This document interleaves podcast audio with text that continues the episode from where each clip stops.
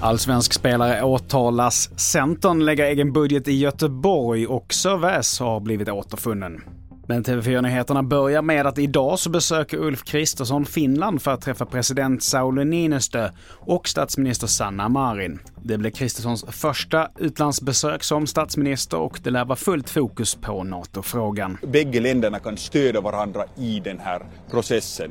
Eh, gällande sen Sverige och Turkiet, så jag kan tänka mig att det kan faktiskt vara ganska nyttigt också för Turkiet att kunna säga att nej, här har vi en ny ledare från Sverige som har lovat att göra A, B och C och, och vi, vi, litar på det här och, och, och, så vidare. Och i inslaget här så hörde vi Charlie Salonius Pasternak som är statsvetare i Finlands utrikespolitiska institut.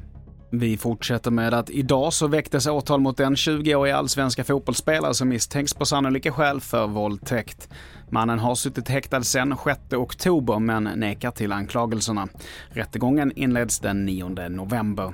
Och vidare till Göteborg där Centerpartiet har bestämt sig för att lägga en egen budget och gå i opposition. Gruppledaren Emily Börnfors hoppas att partiets val ska leda till att Göteborg får en mittenpolitik. Hade Alliansen varit betydligt fler så hade vi ju gärna styrt tillsammans med Alliansen. Samtidigt så är det ju så att Alliansen kan inte få igenom ett enda beslut utan stöd av det lokala partiet, Demokraterna, eller Sverigedemokraterna. Eller båda de behövs för att vi ska få igenom någonting. Och på de osäkra premisserna så vill inte vi ingå i ett styre. Och till sist, Skansen i Stockholm där man nu med kamera har lokaliserat en kungskobra som rymde ur sitt terrarium i lördags.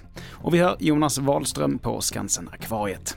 Nu gäller det bara att börja öppna den här väggen och få ut honom. Dels eh, man får ju vara lite listig, inte precis göra ett hål där han befinner sig för då flyttar han sig lite grann. Där man får ju göra på olika håll. Och sen gäller det ju inte att skada honom heller. Fler nyheter hittar du på tv4.se. Jag heter Mattias Nordgren.